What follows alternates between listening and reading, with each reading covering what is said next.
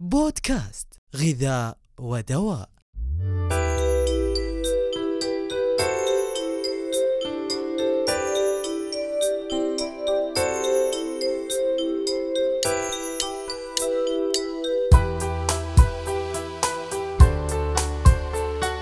أسعد الله أوقاتكم بكل خير وأهلا وسهلا بكم في الحلقة الثالثة عشرة من بودكاست غذاء ودواء. الذي يأتيكم من الهيئة العامة للغذاء والدواء بالمملكة العربية السعودية. أحييكم أنا عبد الرحمن السلطان وأهلا وسهلا بكم. كثيرا ما نتساءل عن طريقة تسعير الأدوية بالمملكة. هل الأسعار منخفضة أم غير ذلك؟ ضيفنا في هذه الحلقة الصيدلي فهد التيفي مدير إدارة التسعير واقتصاديات الدواء في الهيئة العامة للغذاء والدواء. سوف يقوم بالإجابة على أسئلتنا حول أسعار الأدوية بالمملكة العربية السعودية. أهلا وسهلا بك دكتور فهد. حياك الله وبيك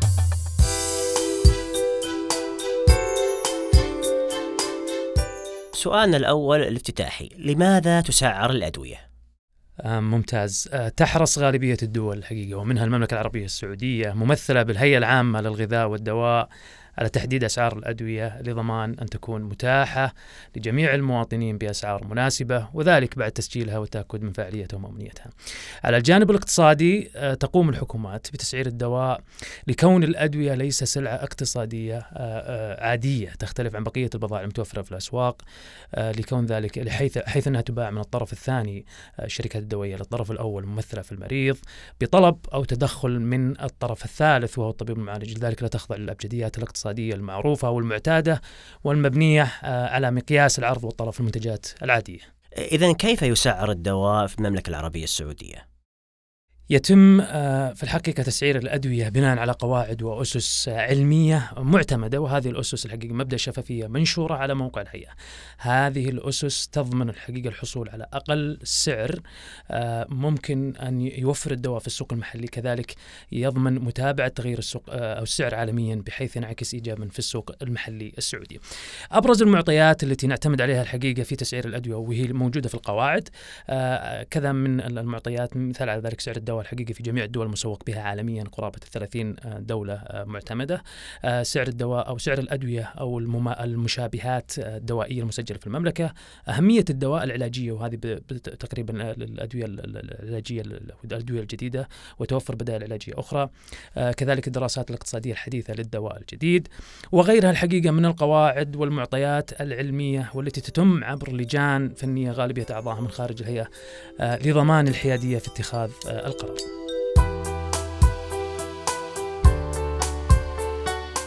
طيب ليش يوجد في اختلاف في بعض أسعار الأدوية بين دولة ودولة؟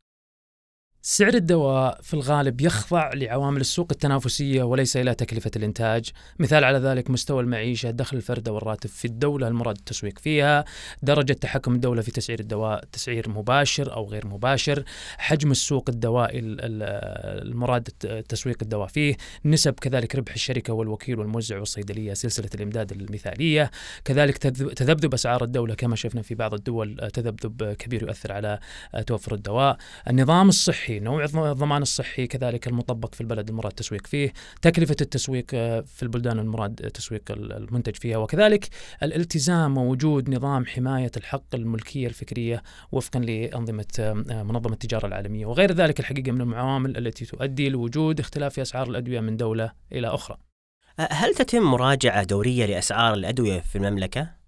نعم يتم الحقيقة مراجعة أسعار الأدوية بشكل مستمر وليس فقط تسعير الدواء يعني من في لحظة التسجيل إنما يتم إعادة تسعيرها بناء على آه، بشكل دوري بناء على القواعد والنظام الذي خول للهيئة بذلك وذلك خلال فترة صلاحية تسجيل المستحضر الدوائي آه، خلال الخمس سنوات أو عند انتهاء رخصة تسويق تسويقه يعني بعد انتهاء فترة تسجيله آه، بعد الخمس سنوات وبالتالي يكون في هناك مراجعة للأسعار بشكل دوري.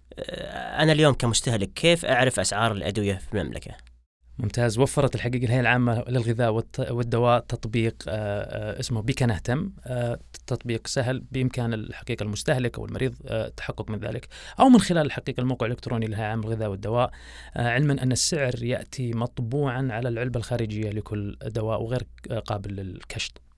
آه، بالأخير هل هناك أدوية مستهدفة بالخفض خاصة مثل أدوية الأمراض المزمنة آه، كالقلب والسكري؟ كما قلنا في ال- الأسئلة الأولى وإجابات الأسئلة الأولى نعم تهدف الهيئة لأن يكون أو توفر الدواء بأقل سعر يجعل الدواء متاح للمريض. لكن آه، فعلا هناك أدوية مستهدفة بمتابعة أسعارها عالميا لضمان الحصول على سعر أقل في أقرب فرصة ممكنة من خلال اللجان الفنية ووفقا للقواعد المعتمدة. من ذلك الأدوية التي يقوم المريض بشرائها بشكل مباشر من ماله الخاص خصوصا أدوية تستخدم للأمراض المزمنة وغيرها من الأدوية عالية الاستهلاك من المرضى. كل الشكر للصيدلي فهد النتيفي مدير إدارة التسعير واقتصاديات الدواء بالهيئة العامة للغذاء والدواء على هذا الإيضاح المميز. وأنتم كل شكر لكم على استماعكم المميز لهذه الحلقة. أستودعكم الله وإلى اللقاء.